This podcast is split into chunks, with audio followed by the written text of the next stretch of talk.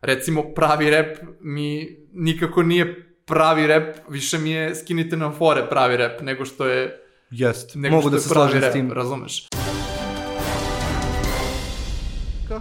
Dobrodošli, dragi gledalci, još jednu epizodu Storage Time-a. Ja sam Stefan, Miloša već znate. Sa nama u gostima je Predrag Vukčević. Uh, nekima je poznat kao DJ Predrag Ape. Vukčević. Da, da, da. Nekim je poznat kao DJ Ape. Većin, većim broju ljudi je verovatno poznat kao Lou Benny, a svima poznat kao BG Funk. Nadam se. Bolje bi im bilo. Ćao BG Funk. Ćao. Dobrodošao. Bolje vas našao. Ovaj, zašto se uzao storage room? Zašto se uzao interrogation room? Uh, znao sam da će neko pitati, Da. bret. Mm, Prva epizoda je bila u skladištu, zato što je skladište bila jedina prostorija koja je imala minimum requirement akustičnosti. A, okej, okej, okej, okej. I onda je krenulo iz skladišta i bukvalno ono kutije i stvari i vrlo brzo nas je to smorilo i bili smo u Vrlo, fazonu. vrlo brzo si preuzela bija i onda Da. smo I morali sad, da... imamo, sad smo u kešu, imamo Da, da, da. jednoroga ovde, sve je dobro. Ali ostalo ime, ono, nostalgijica malo, pa dobro, nije Dobro, strašno. dobro, dobro, da, da. Da, ako za početak, kako smo bili na svadbi? E, na svadbi ste bili, ozbiljni ste bili, baš, o, mislim, ozbiljni u smislu energije, ne, ne ozbiljni u smislu uštogljenosti.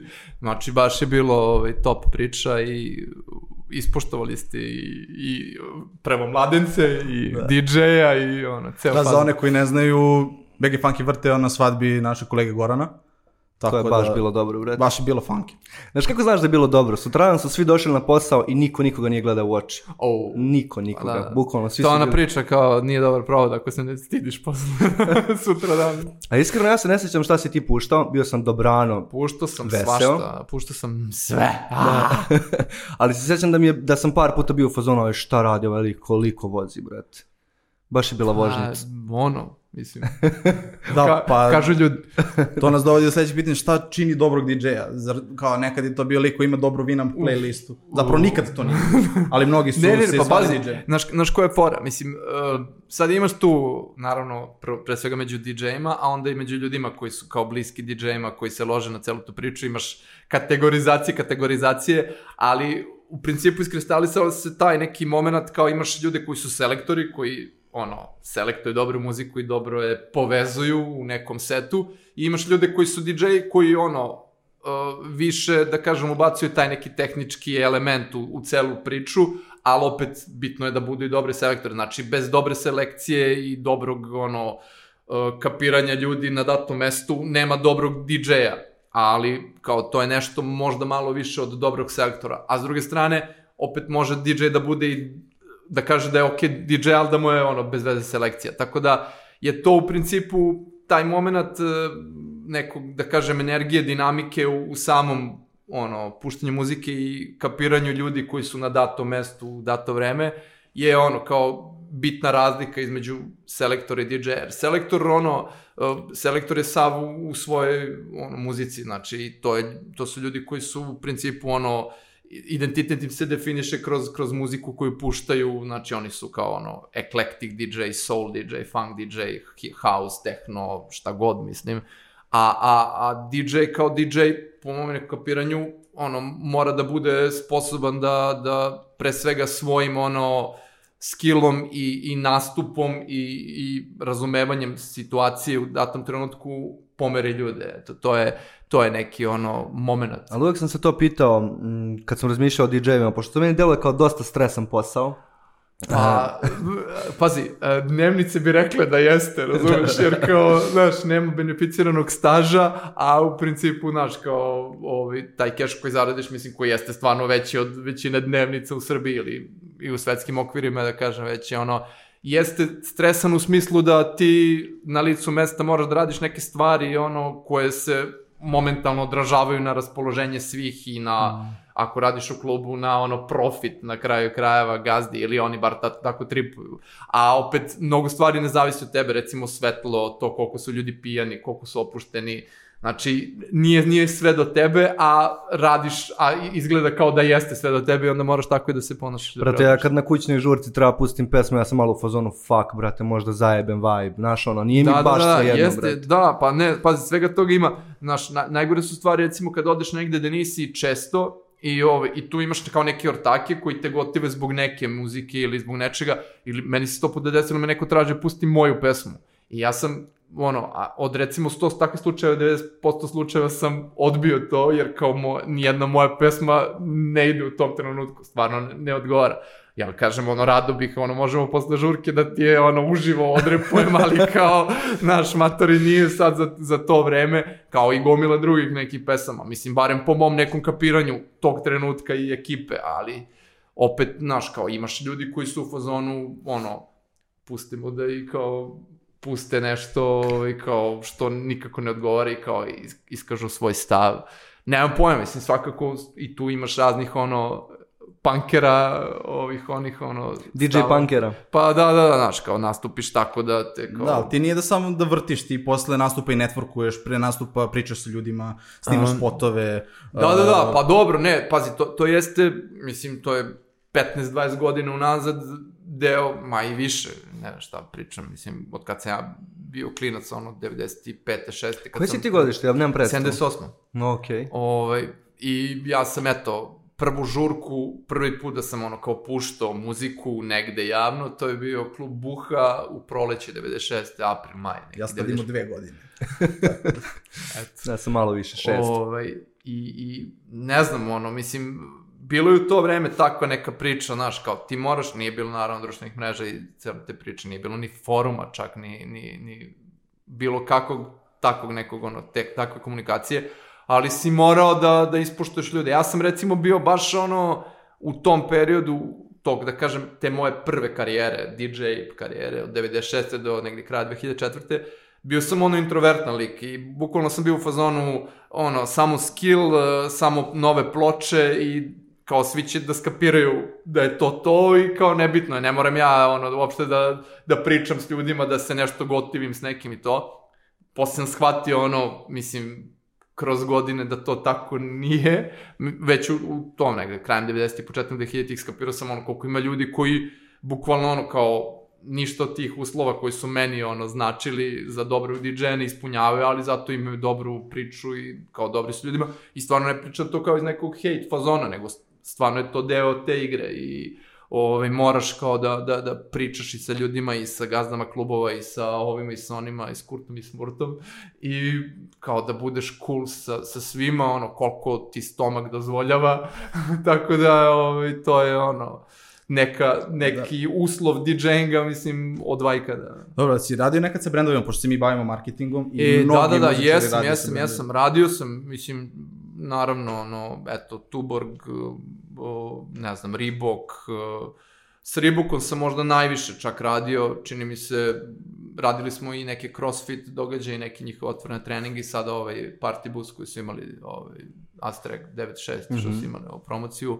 Uh, radio sam sa Red Bullom, Znači, tak... pro, prodao si se. Da, da, da, prodao sam se. Jesi se barem za dobre pare prodao? Uh, pa mislim, pazi, to su uvek te, te ono, kao varijante korporativne, te sa brendovima priče i to, to uvek kao neka normalnija kinta nego što je ovo regularno u klubovima, tako da ja sam zadovoljan u principu. Mislim, meni je ovo kinta po klubovima okej, okay, ono, za, za svakodnevne stvari, tako da, generalno, naš, kao, i to, da se vratimo na ono prvo pitanje kao stresu, vremenom naučiš da nekako kanališeš taj stres ili da te neke stresne situacije izbegneš ili da ih barem amortizuješ na neki način, tako da onda ono počneš i da u tim svakodnevnim akcijama tipa ono redovne klubske večeri ili neke ono varijante gde dolaziš ja se trudim da, da ono kao nemam takvih ono gaža da, da, da idem da odradim ono. Aha. I to je bukvalno ono jedno 5 ili 10% od svih žurki, recimo od sad, od 2013. kad se vratio u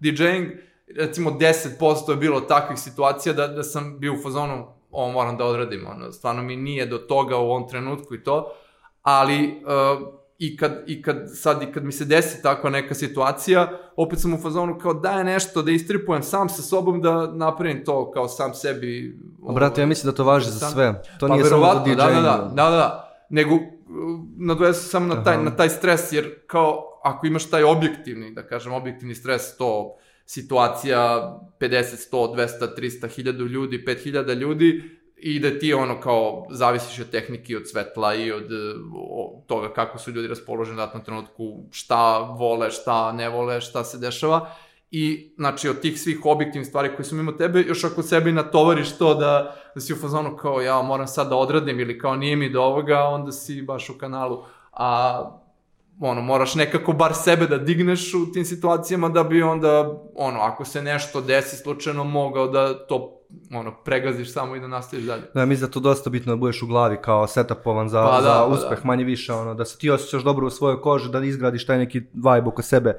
A reci mi, već sam krenuo u glavi da crtam kao neki timeline, jer ti si već pomenuo kao 96. do 2004. kao neki tvoj prvi DJing Da, da, da, da, moment, da. i onda si pomenuo sad od skoro kako sam se vratio u DJing od 2014. Da. Samo nam kratko pomozi da složimo, šta je bilo od 2004. do 2014. A, pa pazi, bilo je ovako, znači, mislim, to 96. ja sam uh, prvi put vrteo tada, Mhm. ali sam ozbiljan DJ postao 98. i, mislim, ozbiljan da sam kao znao da miksam, da sam imao neku kolekciju ploča da mogu da vrtim, na primjer, celu, celu noć žurku. Jer drum and bass je tad još uvijek bio u povoju. Ja sam bio pre svega drum and bass DJ, iako sam počeo od hip-hopa i ono, prve, prvi deo moje kolekcije, znači prvih 34 ploče koje sam imao su bile hip-hop ploče, što ono, old school, old school, ono, Grandmaster Flash i to, što neke koje sam uspeo da nabavim u to vreme, jer tada je stvarno bilo baš napeto nabaviti ploče 95. 6.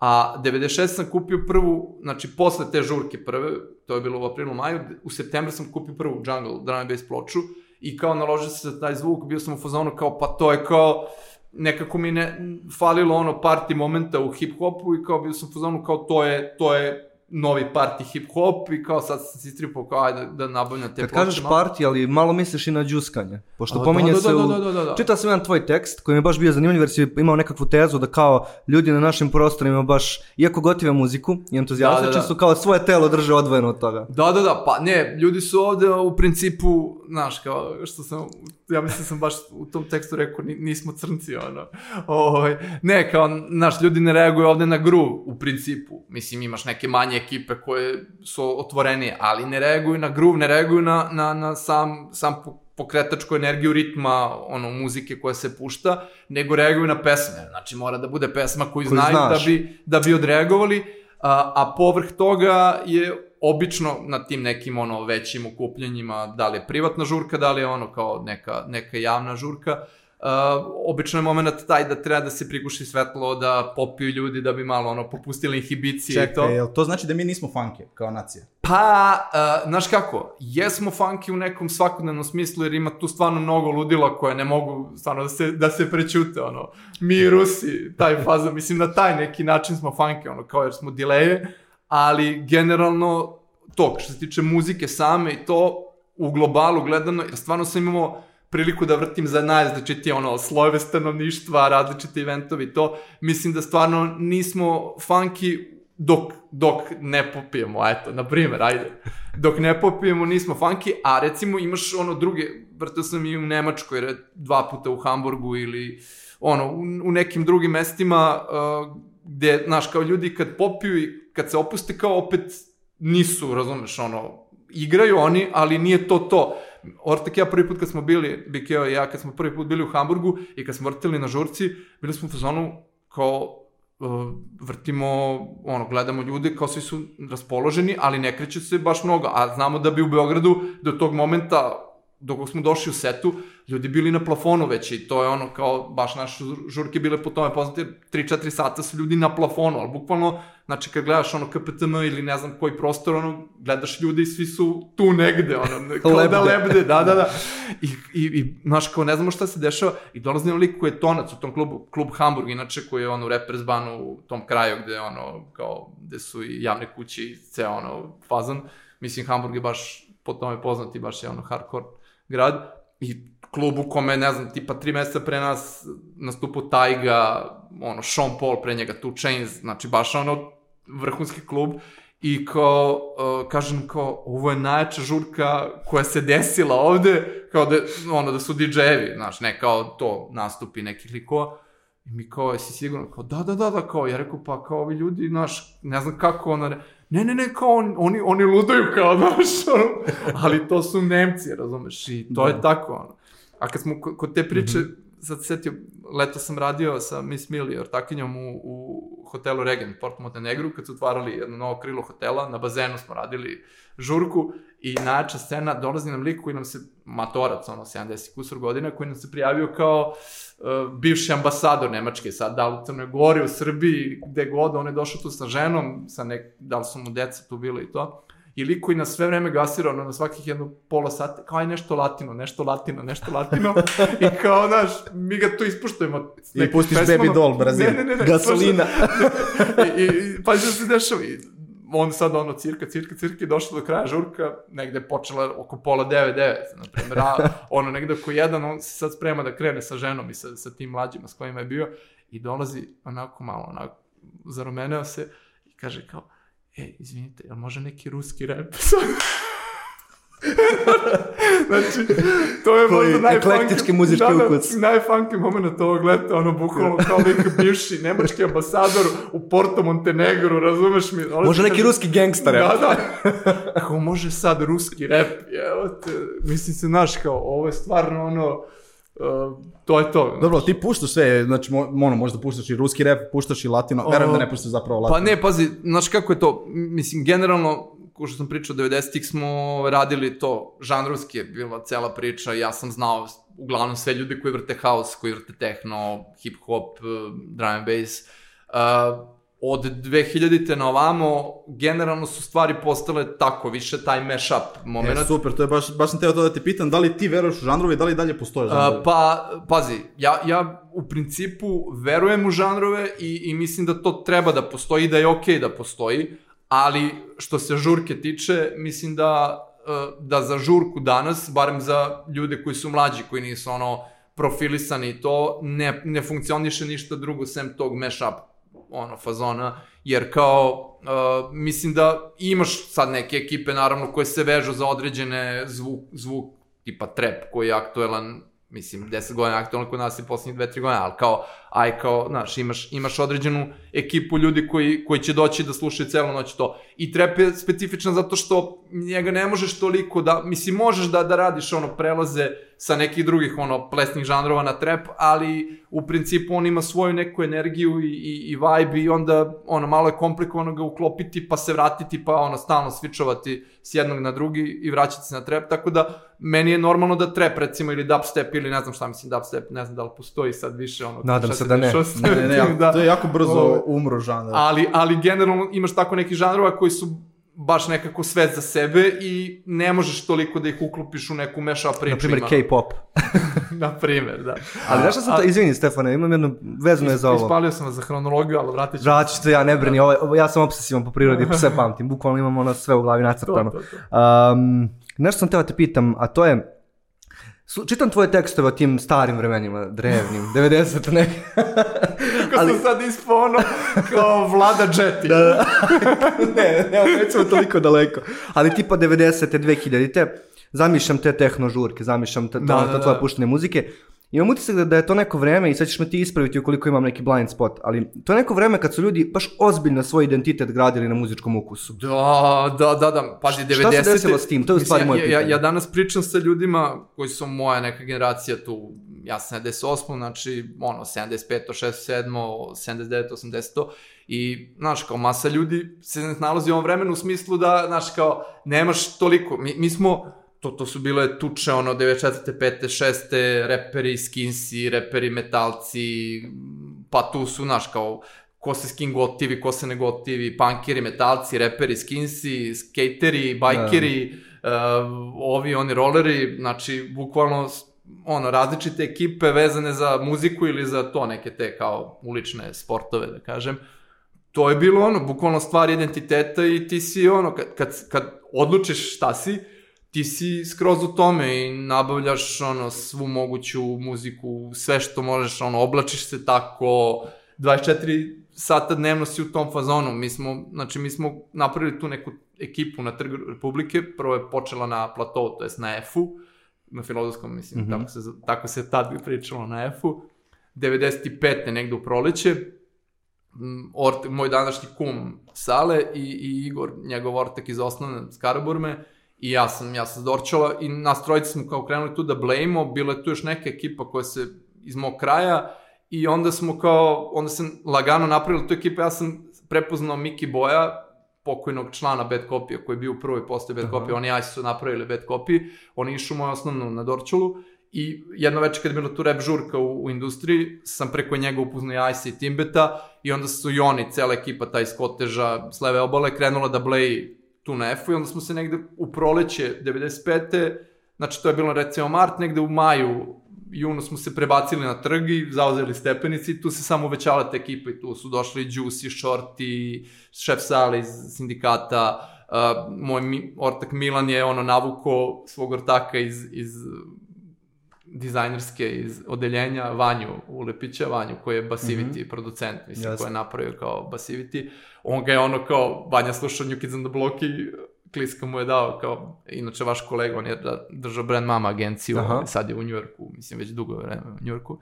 O, ovaj, I tako se napravila ta neka ekipa, ne znam, DJ Kobaz je tu bio prema Peđe iz 187, uh, Ikac iz VIP-a, Znači, baš mnogo ljudi koji su... Iskreno, vrate, mozak mi je eksplodirao da, da, da. od imena. Ne, pazi, ta, ta, ta ekipa, u principu, na tom mestu se, ja mislim, ono, skuvao čitav taj ceo drugi talas koji je krenuo 2000-te na ovamo, mislim, taj, ta rap ekipa i ja sam često po tim nekim tekstom i pisao da stvarno mislim da su Ice Timbe i Juice napravili taj novi MCing, to jest postavili ono temelje za, za pravi MCing. Krenuli su u velikoj meri da pričaju ono svoje ime na traci i sve te momente koji su bitni za lokalnu rap priču, ono. Pre njih, uglavnom ljudi iz 90-ih, raperi iz 90-ih, 80-ih si imao Budweisere koji su isforili to na način kako se radilo u Americi, ali 90-ih je to nestalo i svi su pričali nekako, znaš, kao iz trećeg lica, pokušali su priče kao neke priče što se dešava na ulici, ali to kao sve bilo nekako izveštačeno, pa da, da. I ovaj, tek su, da kažem, Ice Team Bay Juice na neki način ovaj, sa freestylovima i sa cypherom i s celom pričom, slangom, ono, krenuli su da, da postavljaju stvari na, na prave temelje, ono. A oni su se upoznali tu na trgu i, kažem, kao što sam rekao, sva, sva ova imena, svi ovi ljudi su se na tom mestu upoznali još 95. i onda se nadalje ta, ta cela priča razvijela, svako je ono kao s nekim sarađivao ovamo namo i onda je ono pre, nešto pre osnivanja Basivity-a krenulo kao to da, da se izbacuju neke pesme, ovo ono, pa onda Basivity, pa onda raspad Basivity, a taj prvi misli kad je Bad Copy i cela ekipa Aha. izašla, bla bla bla. U svakom slučaju, to, to mesto, mislim, taj trg 95. to je stvarno bilo, i kažem, bili smo i vezani za industriju, jer smo, ono, i tad su bile neke žurke rep u industriji, onda smo se zbog toga na neki način povezali i došli, ovaj, Ali ako ste vi imali to što ste imali, taj svoj kao da, krug, ta neka jednostavna, kako bi rekao, dosta to zvuči kao jednostavan svet. Ti recimo odlučiš da si hip-hop lik i samo guraš da, da. to. A danas, današnji, ajde klinci, ali čak i mi, i sve te postmoderne, eklektične da, da. žurke i sav taj ono identitetski ono bućkuriš, Š, zašto, zašto to više ne postoji? Jel više ljudi, ili, e, ili više ljudi ne grade identitete ili ih ne grade na muzici da, ili je nešto četvrto u pitanju? Na što je fora? O, prva stvar, uh, ja uvek volim da ljud, ljude vratim još unazad. Ja, ja recimo krajem 80-ih, kad sam ja bio klinac, sam imao 11-12 godina, uh, krajem 80-ih, početkom 90-ih, dok sam bio još u osnovnoj školi, znači ti poslednji razredi osnovne škole, uh, ja sam s Dorčela, s Donjeg. Dorčela, uh, osnova braća Baruh, uh, mi smo na rođendanima našim uh, se puštalo ovako, znači redom. Snap Technotronic, pa Aerosmith Gansi, ono, sa MTV-a kao taj hard rock fazon, pa uh, paket aranžma, Nazra, ceo taj fazon, pa Ceca i Jay, posebno Logično. Jay jer je kao Zdorčela i išao iz našu osnovno i to, to je bilo kao još nama dodatni ono lokal patriotski moment. I, znaš, kao i to, neke te pop pesme koje su na MTV u tom trenutku, pa sentiši kao da, da bi se ono, kao... Ok, to zvuči opet dosta, dosta eklektično. Pa da, da, da, znaš, kao, i tu, tu nisi imao identitet nikakav, nisi imao, znaš, neko je možda zakačio od starijeg brata, sestre, ono, kao, krenuo je tripo se kao da krene na akademiju. Bilo ljudi iz, mog, iz moje osnovne koji su već kao klinci upadali na akademiju sa 15 godina, ono, fazon. Ali, generalno, to nije bilo preovlađujuće. Većina ljudi je slušala sve od toga što se puštalo na, na rođendanima. I ja kad, kad vratim ljudi na to i kažem kao, znaš, prate, mi smo puštali ono, i EKV i Šarlo i kao Džeja na istoj žurci, razumeš, sve te stvari 89. 90. to, znaš, kao nije ni, ni u kakvom smislu bila avangarda, nego je to bila opet za našu ekipu narodna muzika. Mislim, sve to Da, bilo... pop, popularna Pa muzika. da, sve to bilo nešto što je kao, što se sluša i što je kao okej za različite delove žurke. On, Znači, taj dance, tis, taj stiskavac koji ima opet, znaš, kao u tom trenutku kad ono, otkrivaš seksualnost to, pa kao nisi još na ribu, pa kao bar da ono, igraš stiskavac i da osjetiš malo ono po sebi, kao dodire, razumeš? To je, znaš, kao, sve to ima svoje mesto u, u, u toj, u žurci, razumeš, koja je neko, da kažem, živo tkivo, neki živ organizam.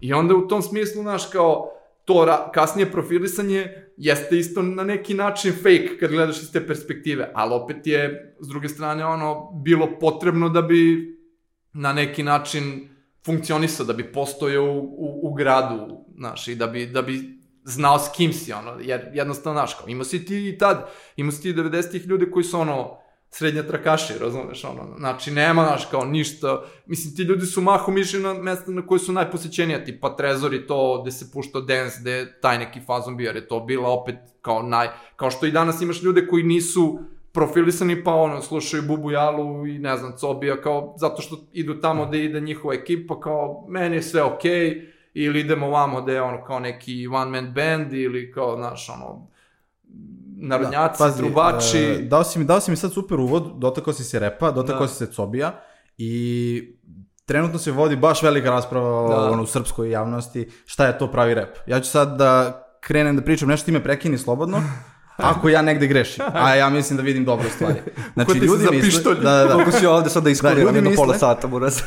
Izvolite. Da, ljudi misle da je rap ono što je bio rap u Americi 90-ih, da je to pravi rap, da je to taj neki reprezent, neka ulična priča, ali to zapravo nije istina. Rap je nastao kao komercijalna muzika, imaš Sugar Hill Gang, koji je, to je vrlo party rap, party Pa, muzika. diskografski, da, da, diskografski to jeste prvi rap koji se snimao na Da, ploče, pa ali... e, imaš uh, Eric B. Rakim koji su ono prodali platinastu ploču, Da. koji to ne može da kaže da to nije komercijalno i da to nije... Ne, ne, ne, ne, to, ali, mislim, sam izraz, ja, ja sam se baš bavio time i postoje tekstovi stvarno i evo, skoro izašao u kulturi, u časopisu koji, Zavod za proučavanje kulturnog razvitka, tekst, eh, kad prevedeš real, dobiješ, to je ono, igra reči na onu rimu THC iz trenerka stil, kad prevedeš realno dobiješ real.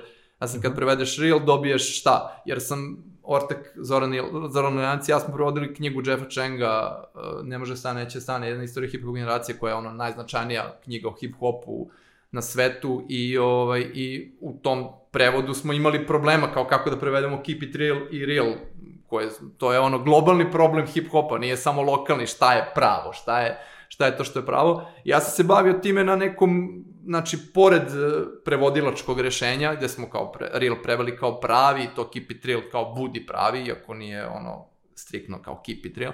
Uh, šta je to što je pravo u, u, u hip-hopu i u rap muzici. I uh, znači to je baš ono opsežno uh, istraživanje istorijsko i to uh, generalno kad gledaš kao šta, kako, kako da definišeš to šta je pravi rap, to jest šta je to tvrdo jezgro, hardcore rap, to tvrdo jezgro koje se ne menja i koje čini identitet tog izraza kroz vreme i kroz sve te promene. Uh, ako gledaš po temama tekstova, ti si imao ljubavne pesme i pre repa i političke te protestne pesme, socijalne, kakve god. Imao si, mislim, razne, razne te i party teme si imao pre repa, znači taj party rap je, jeste jedna ono priča koja postoji u repu, ali nije ono što ga definiše kao, kao izdvojeno od svih ostalih žanrova muzike. I kad, kad u, kreneš tim metodom eliminacije, shvatiš da je zapravo ono što je preovlađujuće u repu, ali stvarno preovlađujuće u repu od, od početka 80-ih do danas, ta priča o sebi, to kurčenje, znači to da pričaš o sebi Flex. i da se, pa da, mislim, u, u nekom slengu flex, razumeš, ili kao ka, kako su se ono, bragging, boasting, mislim, kad su bili ono, dok još nije bilo slenga, razumeš, i cele, cele te priče, ali taj moment da, da ti pričaš da si faca i sad kako da uh, od početka, od početka 80-ih imaš taj moment da uz taj reprezent moment, znači to je reprezent, to da ispričaš da si ti faca. E sad, na koji način ti pričaš da si faca? Uh, da li pričaš da si ono najbolji MC, da ono možeš da isprozivaš svakoga, ono da izvr, izvrneš tako i njegove reči, da ga isprozivaš, da ono kao brže repuješ od njega, menjaš flowove, ovo ono, ili si gangsta, znači u fazonu si kao matori, kao sve super, mogu ja da repujem, ali kao ja ću te upucam, ono, ili si kao ono što se dešavalo od sredine 20-ih, uh, znači gangsta priča se seli na taj mafioza nivo, ono, Jay-Z, Raekwon, Ghostface, nisu više pucači s ulice, nego imaju kao svoju ekipu, korporaciju, ono, koja radi za njih poslove, svi se tripu, ono, Sosa, ovo, ono, mislim, to, tad je ušao ceo taj Scarface, Scarface je ranije ušao krajem 80-ih kao u tom nekom gangsta smislu, ali cela ta priča to kao korporativno mafijaški slang i, i taj moment je sredinom 90-ih ušao Gambino, Family, bla bla bla, Wu-Tang, ceo fazan. I, ovaj, I onda imaš, mislim ja tripujem da sam ja završio taj razvoj, ovaj, to kao predstavljajući se kao bog u apsolutnom smislu, znači da nema ono battle momenta gde, gde razumeš kao, uh, ako nekoga prozivaš, što bi rekao Smok Mardeljano davno, jednoj, ono, možda najbitnije, jedno je najbitnijih srpskih rap pesama, bez respekta, kad isprozivaš nekog, kad uh, izdisuješ nekog, isprozivaš samog sebe. Što je jaka prijava, jer generalno ti kad uh, Uh, ti kad prozivaš nekoga, sad tu postoji i filozofska interpretacija toga, ali nebitno, a da se držimo ono svakodnevnog života, kad isprozivaš nekoga pokazuješ da si ranjiv, pokazuješ da te, da te to dotaklo, razumeš, to što, što Misliš neko kao u pesmi Vexona. Pa, ne, na primer, da. Mislim, vidio sam da je neko u komentaru baš naveo tu njegovu rimu staru, na, na komentaru na Vexona, to je priča, mislim, njihova... Dobro, ali prilično intuitivno da ga isprozivaš nekoga Da, da, ti da, u stvari nastupaš iz neke pozicije nemoći pomalo. Pa da, nastupaš pozicije nemoći zato što te je dotaklo postojanje tog lika, bilo da je konkretna prozivka, bilo da je, ima zonda iz dječaka, iz splitske ekipe dječaci, čim, uh, ako te ne pomenem, znači da ne postojiš, ono. I u fazonu kao šta si, šta si imam borit s bjednikom kad nemam šta pobjedit. Ovaj, Nice. I to, to su momenti, naš, kao, koji, koji su postojali u repu na razne načine, e, i, naš, Tribe Quest ima krajem 80-ih, if you diss us, we won't even think of. Kao, naš, ne, nećemo da razmišljamo o tebi, naš, ako nas i prozivaš, ne zanimaš. Uh, Budweiser imaju neka pljuju po nama, to je besplatna rekla- reklama, jer koristi nama da se diže galama. Ali nigde ne kažu, naš, da će da se, naš, kao, o, da će odgovaraju na dis i na, i na bilo šta. Tako da je taj moment kao uh, tog prozivanja u repu, mislim, prevaziđen davno i baš sam juče prekiče na storiju stavljao uh, momente koji su uticali na moj trip dobrog repa, kao iz posljednjih 10 godina, ima tu taj lik jedan the Kid, koji je ono iz Brick Squad ekipe, ovaj, i, i uh, on je ima tu stvar negde 2010. ja mislim izašla We Don't Rap Beef, znači baš ono gangsta rap stvar, mislim trap stvar, ali ono kao gangst, gangsta stvar, u kojoj on prijavljuje, znači ceo refren je We don't rap beef, we just clap hit, kao, znaš, ne, nema kao, nema prozivke u repu kao mi ćemo samo da pucamo, razumeš, ne, znaš, kao, sve se svodi, sve se prebacuje na nivo stvarnog života, znaš, kao, u, u repu se samo Da, kurčimo. dobro, znaš, ako je kao, to onda srž repa, uh, ona se nalazi u trepu i vrlo je prisutna. Da, da, da, je da, potpuno da, da, besmisleno da, da, kao da, da li je da. trep rep ili nije trep. Da, da, nije da, trap trap je Vrhunac, fetišizacije, ono, sebe i... Ne, pa trap, trap je, mislim, pazi, ja, ja u trapu imam, ja sam odrastao na, na gangsta rapu kraja 80-ih, početka 90-ih, znači Ghetto Boys, NWA, MC8, uh, razni likovi. I u principu, meni trap, što se priče tiče, što se tiče reprezenta i tog kurčenja, uh, nije, ima, ima tu nekih momenata novih, mislim, naravno, kao tehnički, ono, drugačije beat, drugačije groove, drugačije se repuje, drugačija atmosfera, uh, ljudi, ono, kao, na drugim su drogama, razumeš, to je kao južnjački vibe, pre svega, naš, kao lean, ceo faz, fazom Dirty Sprite, uh, ono, drugačije tripuju sve oko sebe na, na gudrama na kojima su.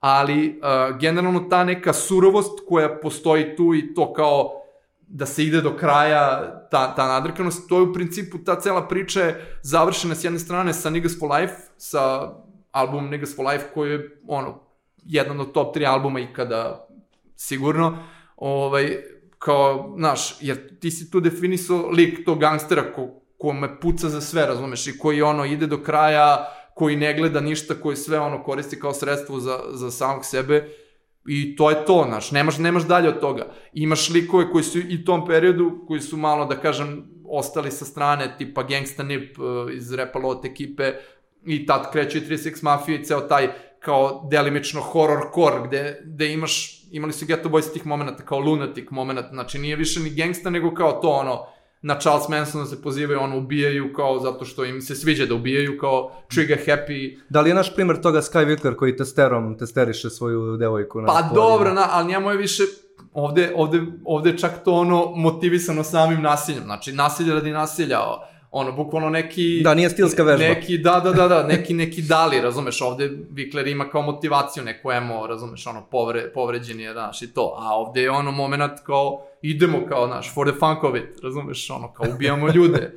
I taj, taj horrorcore je na neki način, ono, još kao, da kažem, iz, izvučena ta, ta ludačka crta gangsta repa, kao nihilizma nekog, ono, idemo do kraja, razumeš?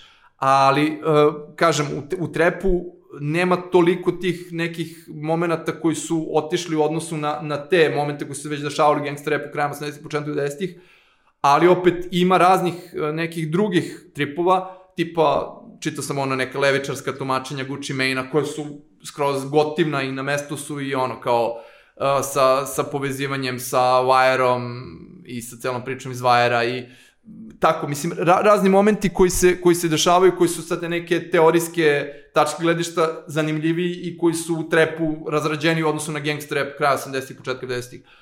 Ali generalno, znaš, kao, trep je svakako, mislim, pod žanr repa, ja ne znam, ono, znaš, kao, mene, mene više blam da pričam to, znaš, kao, mislim, naravno da, da, me, da me blam kad, kad neko kaže, znaš, kao rap, trap i hip hop i rap se pušta kao, brate, znaš, šta si ti sad ispričao, ono, znaš, kao, sve to hip hop muzika, mislim, postoji hip hop muzika koja nije rap, breakovi za b-boyse, ono, muzika instrumentalna za džuskanje, ono, ra, raznih nekih plesova koji spadaju u hip hop plesove, ali kao, znaš, ono, muzika u kojoj se repuje i u kojoj se kurčiš dok se repuješ, to je to Ali, jeste to. Ljudi to malo pojednostavljuju zato što to ti je kao kod nas kad ljudi kažu autotune kultura. U stvari šta to znači? Jel ti kad kažeš autotune, jel misliš ne. na rastu ili misliš da, da. na a fuck stav mi mozak, ali nekoga od... Stare elitne odrede koje su... da, da, da. Nek se vrate stare elitne. Da, da, recimo, ili u stvari na šta ti misliš? Ti stvari hoćeš da kažeš nešto šire od toga, da su to neke pogrešne vrednosti i tako dalje.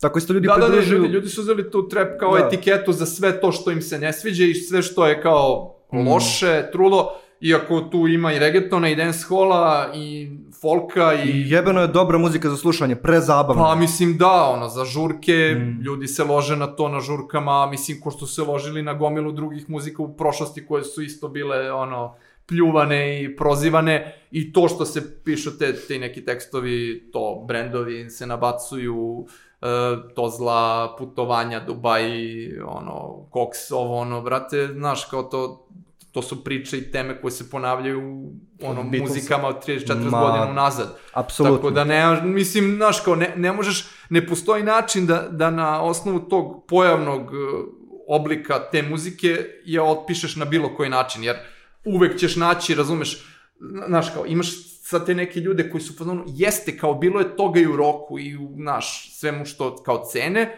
ali kao to nije bila muzika, ne znam, industrijska, nego su to ljudi autentično radili iz sebe, kao naš Meni to baš nije argument, iskreno, bre. Ma, to je, bre, debilizam. To ti je kao ono kad gledaš film, ono, po istini toj priči, kao, i? Kao, zašto je to bitno, razumeš da, me? Kakva to veze ima sa da, filmom? Da, da, da, da, pa bukvalno, bukvalno. Um. Znaš, ja, ja, ja nemam nikakav, mislim, uh, ja generalno, uh, kao DJ, uh, imam problem sa tom muzikom, to je sa ekipom koja sluša tu muziku, jer su ti ljudi mnogo naporni. Ja sam vrteo na, na par nekih e, žurki gde se vrte kao to R&B, hip-hop u tim nekim fancy klubima beogradskim, gde se podrazumeva da ti vrtiš i Jalu, i Bubu, i Rastu, i Cobija, i, i pa, inače, ovo dvojicu, ne znam, Rastu sam jedno upoznao nešto na aerodromu, baš kad smo išli to u Hamburg, a Cobija znam, Paju znam, mislim, znam Džansere, THC, znači sve te ljude znam. I u principu, ono, ta muzika je meni, znači, sa, sa stanovišta beatmakinga, sa stanovišta kao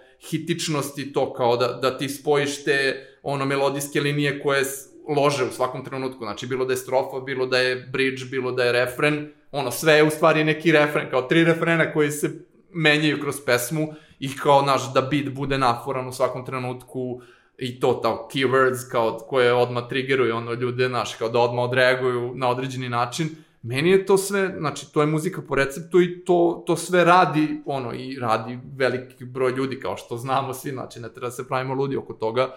I, znaš, kao, neko pravi tu muziku po receptu da bi uzao pare, neko se zabavlja s tu muziku zato što tu ide njegova ekipa, neko se baš loži na tu muziku, jer je ta muzika sve što mu, ono, znači u životu i pričamo o svetu, razumeš, u kom živi i to je to. Znači, imaš razne na, načine na koji su ljudi privučeni na muziku i na mesta na kojima se pušta i to. Ali mene recimo na tim mestima je smaralo to što ti ljudi, znači kao ako je R&B hip hop veče, ti pustiš najveći hit, ono, crnački, oni nemaju pojma i smaraju se i onda će da dođu i, de, i ako pustiš, znači, ono, ortak koji pušta sa mnom, pusti jedno, ono, bubinu stvar i oni dolaze deset ljudi i traže mu, ono, deset pesama drugih, razumeš, Maje Berović, Ali Ne bi Bube. ga čačnula ih. Ne, ne, ne, to je, to je naš, oni su ostvarili dominaciju, ali kažem ti, meni iz, iz DJ perspektive to ono baš ograničavajući i stresno mi je ono kao da ti ortak stoji polu našmrkan, polu nacirkan, ono 15 minuta s telefonom ovako na kome piše šta i gura ti u facu dok radiš, razumeš, ono,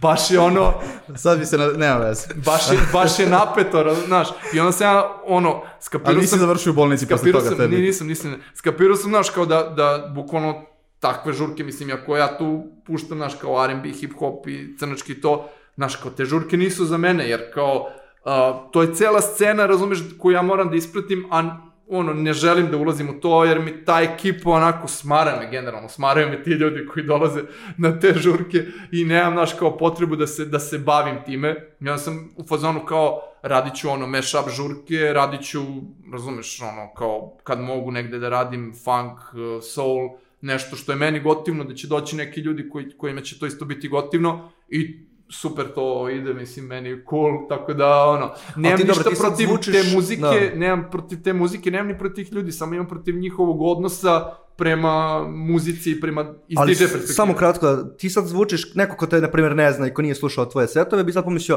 a, ovaj lik je čist, ipak čistunac, kao ja sam bio Da. na tvojim žurkama, ti baš umeš da ga izvučeš, tipa, Ne, ne, ne, ne. prošli put kad sam te slušao u Novom Sadu na Tuborg Openu, ti si pustio klinca, Da. I ovo stvari za mene uvod u jednu, ja sam skroz bombovao sad, nemam pojma gde smo sa planom Ne, i tako ne dalje, ali Davno ne, smo izašli sve je freestyle, Da, da, nema veze.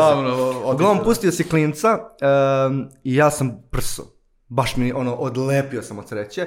I kao, aj sad samo sekund da, da se pozabavimo fenomenom klinca, ali ne samo klinca, nego meni je klinac simbol tog nekog divljeg demokratičnog tržišta muzike, da Da. neki lik iz Banja Luke od, ja mislim, 16-17 godina, kreće da ima Mislim milion sad više, mislim da je neko 2001. ja mislim. Tako. da, ali kad je krenuo, kad Da, se da, da, pojavili da, da, je milionski snimci, klinac je bio kao lik iz Banja Luke, izbaci pesmu milion, dva miliona pregleda. I sad neki BG funk koji je čovjek ceo život se bavi muzikom, ono, Da. nećemo se lagati, i načitan, i kao napisao gomilu tekstova i puštao sto hiljada puta, pustiš jednog klinca. Znači ti nisi čistunac, brate, ti si On- pustio ono sa izvorom. Ali meni je ta, meni je ta stvar rap, mislim, ono, znači ta stvar korak ispred, Da. meni je to, ne, ne, da ne zaboravimo Elona, znači, Klinac i Elon, Elon, da. Elon je tu isto u pesmi, meni su oni, ono, izgrmeli na rap način tu, znači, kao u fazonu iskurčili su se, Znaš, kao, mislim, nisu to najbolje rime koje sam ja čuo ikada, ali generalno sa bitom, sa refrenom koji je do jaja. Ima onaj bas koji pumpa. Da, da. Znaš, kao taj hook. Pazi, generalno, i za, i za većinu ove muzike koje smo pričali, znači ova koja je kao više to dancehall, reggaeton, ovo ono, uh, svi ti ljudi na neki način, znaš, kao uzimaju ono, ukradu odavde liniju melodijsku, malo je prerade ovo, ono, mislim što je normalna stvar. I opet ne, ne, ne, ne, ne govorim to da bih otpisao. Mislim, znamo šta je radio Brega, znamo Riblja Čorba, Bajaga, ono, svi su, svi su krali mak, maksimalno, ono, progresi akorda, melodije, Tako ovo, je. ono. Znači, nema tu, znaš, kao nema, nema, ne može ta muzika da se ospori na bilo kom nivou proizvodnje. Ali, kažem, kao, znaš, ta pesma kakva je ta korak ispred, ja ne znam, moguće da je, da je skinuto nešto ili prerađeno malo, ali meni ta stvar u tom trenutku radi, ja vidim tu u ekipi, ono, koliko je bilo, recimo, pet soma ljudi je bilo na, na, na Sigurno. tom Tuburgu, Znači ja vidim kao ispred ljude koji najbliže vidim toj ono, ogromne bini, znači možemo o tome pričamo kao razlike među velikih bina i kao kluba i svega.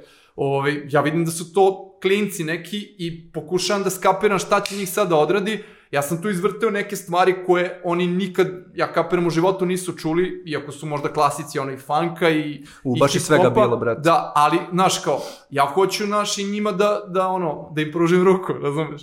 Mislim, u fazonu sam kao, ono, slušam ja tu muziku, znam šta se dešava, pustio sam, ne znam, ono, tipa, sad sam gostovao skoro na Cherry on Top uh, žurci i pustio sam Ide Gas, ono, koja mi je vrhunska stvar, ono, Britney, ova Mhm. ekipa, ovaj, koja mi je vrhunska rap stvar, znači, stvarno mi je strava rap stvar i kao ima dobar beat, ima do, dobar ono hook. I to je to, znači to je to što, što mi je za žurku bitno. I kao, znaš, ako još skapiram da je to za tu ekipu do jaja, strava, ono, roknuću tu stvar, mislim, ne, nema, nemam ja nikakav tu neki elitistički stav prema tome, ne znam, to je neki klinac, ono, 16 godina, ili kao iz Banja Luki, ili, znaš, kao ta stvar grmi. Ali to ti je to, zašto je to meni zanimljivo, jer ti imaš jednog smokija koji... Sad sam rekao stvar Aha. grmi, znači, mo- moramo da pričamo ti, o tome. ti grmiš, a, kao, pričat ćemo, pričat ćemo, ali pazi ovo, imaš jednog smokija koji ima ceo album koji je, meni se baš dopada album, slušao sam ga tonu, ono, na Deezeru, Da. i, ali realno sve pesme, sve njegove pesme su o njegovim pesmama i kao, to je ta neka meta Da, poetika. bila ona neka šala, nek, neki page on izbacio kao, kao fake spisak pesama, kao o repu, o mom repu, o ono, vidio sam ali, to. da- ali svako je dobar album i baš je ono kao kad slušaš Ne, ne, ne, pazi, gađa, Smoke, Smoke je, znaš, kao ne, ne možeš Smoke samo da gledaš na osnovu albuma, Ne, znaš, i na osnovu pojedinačne pesme, mislim, ljudi, on, ok, sad tražemo na neki način kao manu, ima mnogo ljudi koji su u fazonu to kao, za, sa, sa kim ćeš da jašeš, da li si sa Smokeom ili O si sa sam teo ti pričam, Basivity, ali možda to uopšte nije tema, to je moja poenta. Znači ti Pa, imaš da. smoke, imaš basivity i onda imaš nekog klinca, ok, on jeste basivity, ali realno nije, u ovoj priči nije bitno što Da, je on da. basivity. Klincu koji samo krenuo iz svoje sobe da snima i kao, what the fuck, evo me sada, ono, Da, kao, da.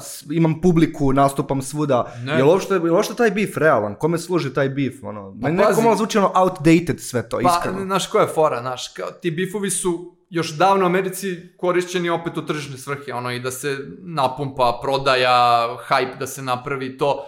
Ovde kod nas je to i dalje, mislim, taj konkretan bif, ono, Smoke Rexona, pa onda Smoke Basivity ili šta god. Ove, to je opet iskreno, razumeš, kao izletao kao iskreno, ono, trip, mislim, to tereljene prozivke, da kažem, u emisiji u Latpack zonu, Smokovih rima, pa onda kao Smoke koji je odreagovao i kao napravio pesmu koju je na kraju okačio, prvo je ono repo uživo, pa je kao posle izbacio na kanal. Mislim da je to naš kao generalno uh, prozivanje između dva kapiranja repa, gde je Smokeovo to kao rep je nešto više od, od toga da se prave pare, da se prave pare po svaku cenu, a Basivity u fazonu kao mi smo provalili kako to rade crnci, kako se to radi u Americi, mi ćemo napravimo pare, pravi rep da napraviš pare, da se izvučeš iz ono bede ili ako nisi u bedi da napraviš veće pare i to je to kao naš. I onda tu sad nastaje taj, ta neka tenzija kao naš, ovi su spremni da kompromituju neke elemente tog, tog izraza da bi napravili Ali znaš više para, pa će kao da se vrate, se peru, mislim što je ono strategija koju je radio Juice, mislim sto puta do sad i zbog toga izgubio, da kažem, gomilu publike, jer je kao Juice ono prvi isprobio sve te ono Hmm. ledove ono i napravio ludila i onda je naš kao i sam je izgubio ne, neku ekipu ono. Ali moj problem u priči je što se meni baš sviđa Smokeva pesma, ali mi se baš sviđa i Cobijeva pesma. I kao, Okej. gde sam tu ja u cijeloj priči, brate?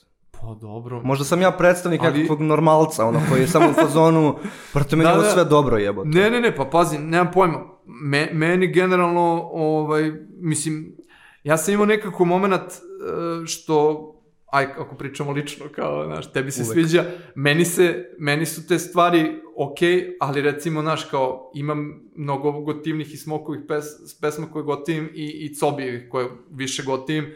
Recimo, pravi rep mi nikako nije pravi rep, više mi je skinite nam fore pravi rep, nego što je Jest, nego mogu da se slažem rap, s tim. razumeš? Znaš, i kao, skinite, skinite nam fore mi je ono mnogo napucanija, nadrkanija pesma, pravi rap mi je nekako, znaš, ono, suviše mi je emo, malo, znaš, kao, ide na tu tužnu priču, kao, znaš, ja sam kucao bitove, ovo, ono, znaš, kao, ja, ja, to jeste njegova priča, ja sam bio te neki intervju za nedeljnik, ono, gde smo pričali kao o razvoju, o razvoju repa, gde sam ja stvarno rekao, i stvarno mislim da je to baš, ono, loš fazon od mase ovih ljudi koji su ostali sa druge strane, anti-basivity i to, Aha. a kojima je Cobi u proteklih ono 15 godina sigurno odradio bar po jedan, ako ne i više bi to. I ja mislim da je taj čovek ono svojeručno ono digo nivo domaće scene samim tim što je sede u studiju, ono, slušao gomilu tih farbi, koji kick, koji snare, ovo ono, radio bitove, da, dao reperima za džabe ili za neke sitne pare, bitove koji stvarno su ono na, na američkom nivou, razumeš? I to, to se dešavalo ono od 2004. 5. do ne znam, razumeš, do pre 3-4 godine kad je prestao da radi za, za, da kažem, rap scenu, kad je krenuo da radi ovo s narodnjacima. Ali, ovaj, lik je, razumeš, znači on s jedne strane što se tiče beatmakinga i s druge strane Jan Zu, lik iz Niša koji radi ono mix mastering za ono pola scene, koji isto dečko stvarno ono isto svoje ručno ono digo u tom, na tom nivou miksa i masteringa celu tu rap scenu.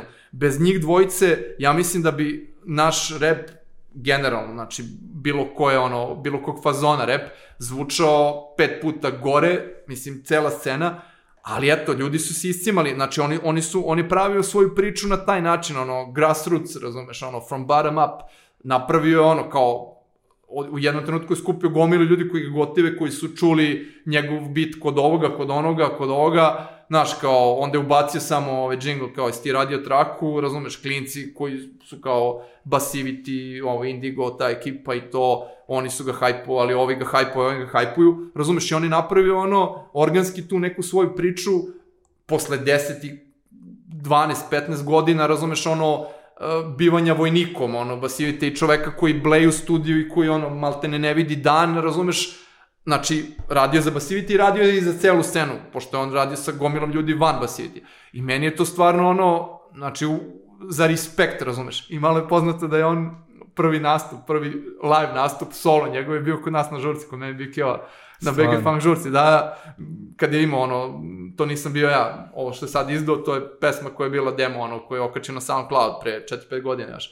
Ja sam ga tada iscimo kao ajde da baciš te dve, tri stvari svoje koje, koje ima tad na SoundCloudu i došao i nije čak, ono, nije hteo da uzme kinto, razumeš, za nastup, ono, znači, matori dugujem ti da, i dalje za to, mislim, KPTM mu duguje, ali kao, znaš, ono, u fazonu, stvarno je, znaš, kao, lik je, ono, bio uvek mega, razumeš, ono, predosretljiv i, i stvarno je uradio gomilu stvari, ali kažem na nivou repa, meni je ta priča, ja recimo kad, kad sam razmišljao sa ovom repu, razumeš, znači šta ja da pričam, Znaš, kao da, da mi je ono, ne znam, da repujem o tome kako mi je Ćala umirao od raka, razumeš, i on umre mesec i po dana pre nego što se žena porodi, ona se porodi tri nedelje ranije, klinac mi je u inkubatoru tri nedelje, razumeš, ja se slupam, ono, upadam u kanal, znaš, kao, imaš tih priča, ali ti kad svedeš rep na tu priču kao to, kao stvarnog života, taj rep, razumeš, ono, nije ni za kurac, razumiješ. Znaš, hoćeš, hoćeš ti Kevi da mi plaćaš lekove, ili to taj stih? Pa, znaš, ne, nemam ništa protiv, znači, treba da ima. Ja sam recimo napisao strofu e, noć pre nego što mi se žena porodila, koja je ono,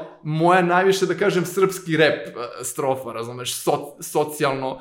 Mislim, duga je priča s tim bitom, uzeo sam ga nekog lika, to je istimo me lik koji je bubnjar, koji radi bitove ovako kao za svoju dušu, I mi smo se upoznali tipa negde septembar 2016. Uh, možda nedelju dve, pošto sam saznao da mi je žena trudna, a nedelju dana prema što sam išao Bikea ja u Šabac da uh, vrtimo kod, kod Đusa na, na žurci uh, muziku, na nastupu njegovom, stvari. I, o, I dao mi taj beat, ja kao ima neku party strofu, neki kao dubstep beat je bio i kao imam neku party strofu, mogu da bacim to, on kao, aj molim te, kao, on se nešto kombinuje sa Sevenom i sa Juiceom ranije, sa Chodom Optimusom i svi su ga u nekom momentu ispalili i kao, aj molim te, kao, samo da brzo uradimo stvari. Ja rekao, možem, matori, imam tu neku strofu koju bacam na žurkama koju nisam snimio, kao, ajde, to ću ti snimim da vidiš da ti je okej, okay, to je to. I uzmem taj bit, posle nedelju dana idem u Šabac, vraćamo se s ortakom, kolima, izlićemo iz Obrenovca i upadnemo u kanal i ja nabijem rebra i ovaj, nisam polomio na svu sreću, ali kao dva, dva, dva i po meseca me ono seklo, nisam išao u studiju uopšte i nisam mogu da udahnem uopšte, znači ono nisam mogu da, da dišem, ne da repujem. I kao, znaš, javljam mu, ne mogu da snimam čim me malo popusti, snimam ti, šaljem ti to. I lik me čeka, ono, dva i po meseca već, znaš, kao kapiram da je smor, ono. Ja mu snimim u novembru, negde 2016. Čale mi inače baš bio bolestan 2013. ono, im, o, diagnostifikovan rak pluća i on je 2016. leto baš bio loše, on se malo povratio, otišao kod sestre van Beograda i kao, ono, ja tu snimim tu, tu traku, kao ostalo da smislim refren, bla, bla, bla, i on kao zadovoljan, ja nisam nešto bio pretredno zadovoljan, bilo mi je cool, kao kako zvuči na bitu, ali mi nije to to, ono, ali kao ajde, da odradimo što pre, pa što mu je to bio cilj. I ništa, ovaj, uh, Čale u januaru 2017. umre, uh, žena mi se, ono, mesec dana pre nego što je trebalo da bude termin, odemo na rutinsku kontrolu, znači kraj marta 2017, mesec i po dana kasnije, i ove, zadrže ono na licu mesta, ono skinu, da tamo neku spavačicu, 3-4 dana bilo u, ono, dok su radili analizu da li će da je odmah carski rez ili kao da čeka mesec dana. I ja sam tu dve, tri noći bio sam gajbi i kao, naš, ono, dopisujem se s njom tu, ono, kad, kad je poseta u toku dana vidim je, ali kao, naš, ono, glavno se dopisujem s njom i sam gajbi, sam ne znam šta radim. I tako... Bio si u mojoj emisiji samo. Da, da, da. E. U tom periodu. I bukvalno noć pre, kad su već re- rekli da će biti carski rez, noć pre, pre žurke, noć pre žurke. Da, ali krenulo, stvarno je krenulo, stvarno je krenula žurka, da. Ja noć pred, pred toga, razumeš, kao sedim gajbi, šta da radim, nema šta da radim, bukvalno, i kao pustim taj bit da smislim refren. I po akcentima u, u, u samoj matrici, istripujem kao da ide nešto fe, fenomenalno. Znaš, i kao, istimo sam posle Sanja Vučić snimila to, taj, taj refren. I kao razmišljam, taj refren mi se uopšte ne uklopa s tom strofom, kao daj da istripujem nešto novo, razumeš, da istripujem skroz novi rep na to. I bacim strofu koja je ono naj, da kažem, nabijenija tom nekom ono ličnom pričom i emo pričom u nekom smislu, uh, koji ide ja rokam žurke, pare dobijam na ruke, treća smena, klubovi, gomila dima i buke, tu nema staž, kredit, penzija i 9 do 5, ali sam više s porodicom, znači život je lep, caka, bege, funk, žurka, svi mi skačemo do jutra, mnogi su u svemu, nešto tera ih iznutra, taj znoj što se izbaci, odnese otrove, u svakom ostane samo trip da sve dobro je, Bilo je života i prelajkova na fejsu, bio sam na meti i kalašu i tetejcu, preživeo i pet na jedan u noćnom stokecu, Bog me sačuvao jer je hteo moju decu, evo proleće je stiglo prvi put, kupam sina, zadnji put sam kupo ćaleta kada je bila zima, šta je bilo, bilo je brate, ali zaovijek je glavno da se u svakom momentu osjećam fenomenalno. Wow, bret. Znaš, kao, ja bukvalno tu liniju, kad, ka, ali, znaš, ja sam bio u fazonu, brate, ubacit ću tu, u tu rimu isto nešto što se nije desilo, ali hoću da bude tako, znaš, kao, ja sad ne znam, razumeš, ono, moj sin je bio tri, tri nedelje u inkubatoru, znaš, kao, bilo je napeta situacija, razumeš, ono, imao je manje od 2 kilograma i kao, treba se porodi, treba, znaš, kao, ja sam bio u fazonu, bacit ću pesmu, proleće stiglo, prvi put kupam sina, razumeš, ja sam već u fazonu, istripovao sam da je to tako, Da. razumeš, i kao, naš, neću da, naš, odstupim od toga i bio sam u fazonu, moram da budem, razumeš, ono, da sa tim stavom, naš, kao, izrokam to i napravio sam tu, tu strofu, sam, razumeš, napisao, posle me snimio posle godinu dana, tek godinu, godinu i po dana i to još nije ni smiksana stvar, stoji kod Sevdaha i u fazonu trebalo da snimamo spot, dva, tri puta se to odgađalo i ona, ta, ta pesma stoji od 2017. od, od 29. marta, 29. marta u noć sam napisao kao tu, tu, tu strofu, razumeš, i, znaš, kao, u fazonu, svako ima neku priču, znaš, kao, koju može da ispriča tako, znaš. Stvarno, mislim, sve što kažem u toj strofi, sve se stvarno meni desilo, razumeš, u životu, ali nije poenta da, da ti pričaš, znaš, kao, rep je generalno proistekao iz te crnačke tradicije koja potiče još od ono crnih makroa s kraja 19. veka, prvih crnaca koji su se oslobodili od ropstva crni makroji, crni kockari, kauboji, revolveraši koji su bili ono prvi crni gangsteri, ono live by the gun, die by the gun. I oni su bili u fazonu, znaš, kao pre svega ovi makroji kockari su isfurali taj fazon ono kao uh, reprezenta, znači mm -hmm. kao držanje do sebe, razumeš, da, da se obuku, da ono uh, svojim nastupom, pričom, uh, hodom, uh, nakitom, uh, ono, šeširom, perijem, razumeš, da ono ostave utisak i da budu ono veći od života, razumeš. I ceo taj, taj moment ono kurčenja i držanja do sebe ide u, u toj crnačkoj tradiciji još od toga, mislim, i, i ranije, ali kao ajde, da kažem, kod afroamerikanaca od tih prvih ljudi, tih prvih crnaca koji su se oslobodili i onda imaš ono Black Exploitation eru, filmove, one Shaft, razne, mislim, ono, junake, prvi crni superheroji faktički. Da, da, da. I onda, znaš, kao Muhammed Ali koji je ono, po mom mišljenju, a i po mišljenju drugih nekih ljudi, otac repa, jer je on prvi na ono kao nekom širokom nivou pričao rime lep, ono, u kojima priča lepo o sebi, razumeš, ono, kurčio se, znači, kao, naš, ono, njegove rime gde proziva, ono, protivnike kaže, kao, naš, ja sam lep, ja sam mlad, ja sam, ono, ovo, ono, i kao, naš, imao i taj battle moment, ali imao i taj reprezent moment gde priča samo lepo o sebi i kao gomila klinaca, ono, cele, cela ta generacija koja je gledala njega na televiziji kad su bili klinci, oni su postali reperi, oni su prvi reperi, razumeš u James Browna, koji isto ono čovjek drže do sebe, do svog džuskanja, do ono, da sve bude top. Znači imaš gomilu tih crnih likova koji su uh, spremili teren za, za celu tu kulturu i za ceo taj, taj moment ono priče o sebi u pesmi, razumeš, da ti, da ti pričaš sebi, ali ne pričaš o sebi na način kao, e, meni se, ja juče sam se smorio, razumeš, ono, ne znam, sku, nije mi se skuvalo jaje kako treba, mislim imaš te parodije, ono, tipa one John LaJoy ili tako te neke Ordinary Man i to.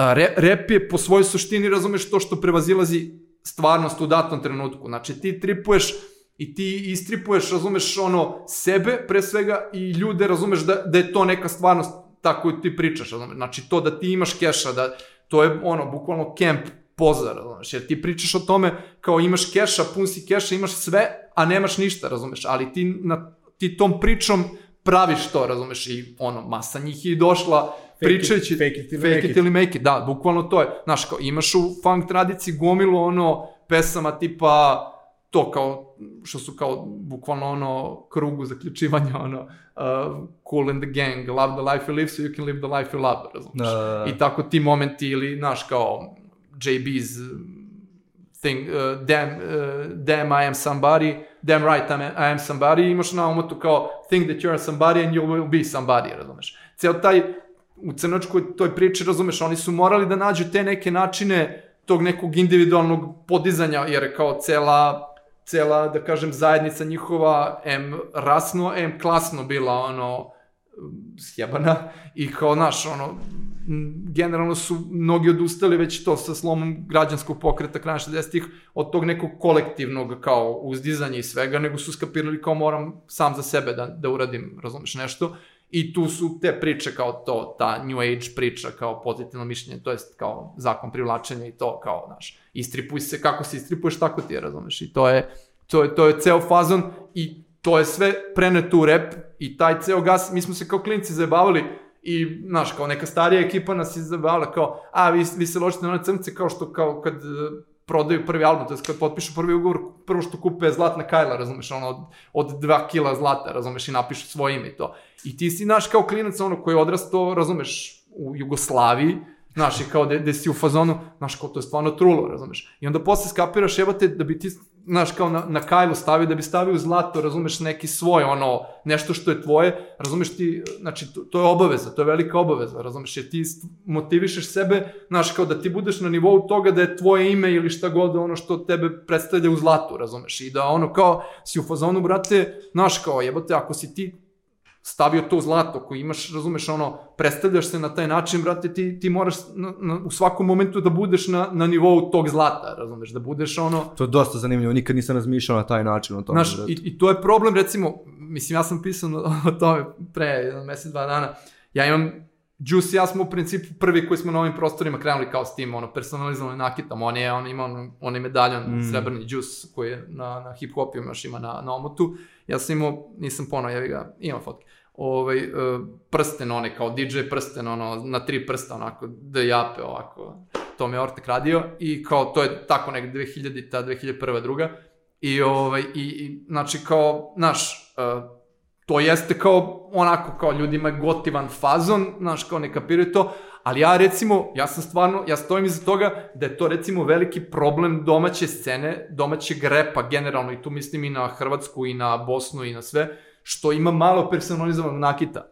Znači, malo je ljudi koji su ovde skapirali taj gas, taj crnački gas, razumeš, ti imaš ono, tekstovi, tekstove po netu, ono, o najsuludim, razumeš, kajlama, privescima, ono, znaš, kao imaju, brate, dijamantske, mislim, naravno, Gucci što ima one sladolede, nemam pojma, mislim, imaš najsuludije kombinacije, pa sa dijamantima, sa zlatom, belim zlatom, ovim, onim, uh, znaš, ta kultura kod nas ne postoji, zato što svi u fazonu, znaš, kao, čak i oni koji su uzeli neki keši koji mogu realno to naprave, e sad, bilo mi gotivno pre jedno pola godina, dana, baš radili smo nešto THC i ja, neki projekat koji na, kra- na kraju se nije ono ostvario, ali generalno tad sam ja već furovo Kajlo i Bore me pita kao je, kao strave Kajlo gde si radio i Bore posle uradio, razumeš, ono, sa THC ovaj, logom, razumeš, i sad ga fura svudi, to mi je baš top, razumeš, ono, zlato, razumeš, i to.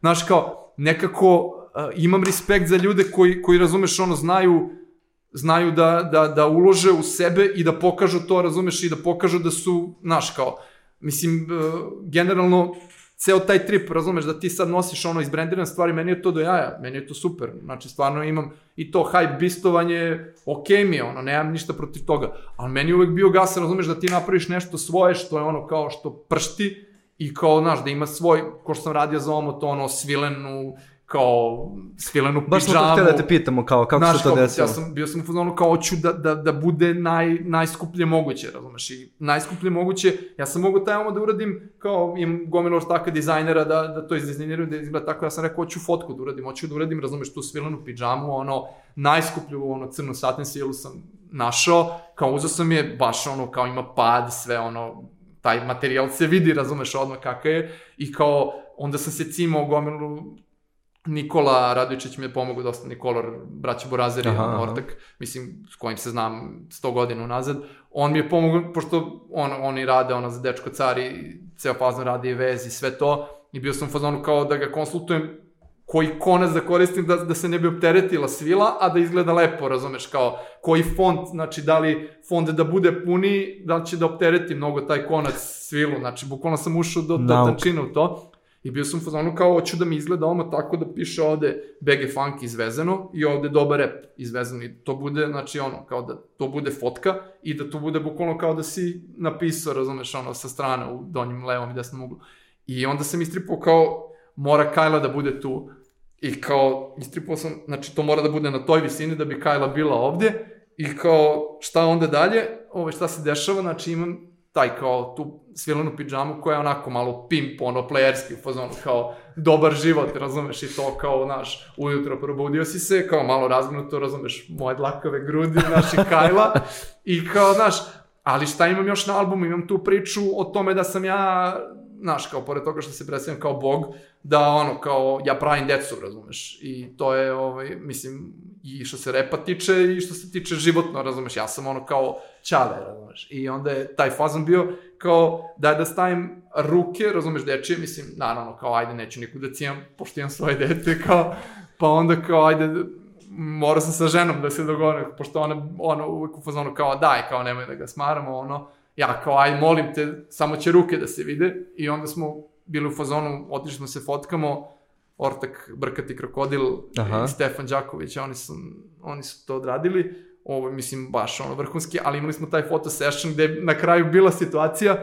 da ja sedim, e, to jest ja, e, da, sedeo sam na, na stolici, a iza mene je bio na barskoj stolici Jug, moj sin, i on je stajao, a Ljubica, moja žena, bila iza njega i držala ga da ne padne s barske stolice, da bi on ono držao ruke, ruke ono oko vrata. A iskreno, brate, dosta su ljudi emotivno odreagovali na tu fotku. Da, da, da, e, ali znaš što je fora? Mislim, uh, for, fora je u tome što, što je ta, ta fotka, sad ću, upravo pričam, da, da nije bilo uopšte, nije trebalo on da se pojavi na, na samoj fotki, nije trebalo njegovo lice da se vidi na fotki, nego kad smo odradili gomilu, ono, 50 fotki, nemam pojma koliko je bilo, ovaj, to je bila najbolja fotka kao fotka. Ja sam bio u fazonu kao, znaš, ovo, ovo skreće priču sa, sa teme albuma i stvarno to nije lični album u smislu da ja pričam o svojoj porodici, da ja pričam Da. o detetu, da ovo, da ono, ali kao, stvarno jeste bila najbolja fotka i tu sam napravio kompromis i ono kao, nije mi bila ideja da se on pojavi, ali kao naš, od početka sam bio u fazonu, ja, meni se ne pojavljaju oči, znači ono, fazon, ja se vidim dotle i kao osmih se vidi, ali kao naš, ništa, ne, ne vide se oči, ali to mi je bila kao ta ono, art direkcija, razumeš, da, da, da se vidi Kajla, razumeš to što predstavljam, BG Funky, razumeš ono naziv albuma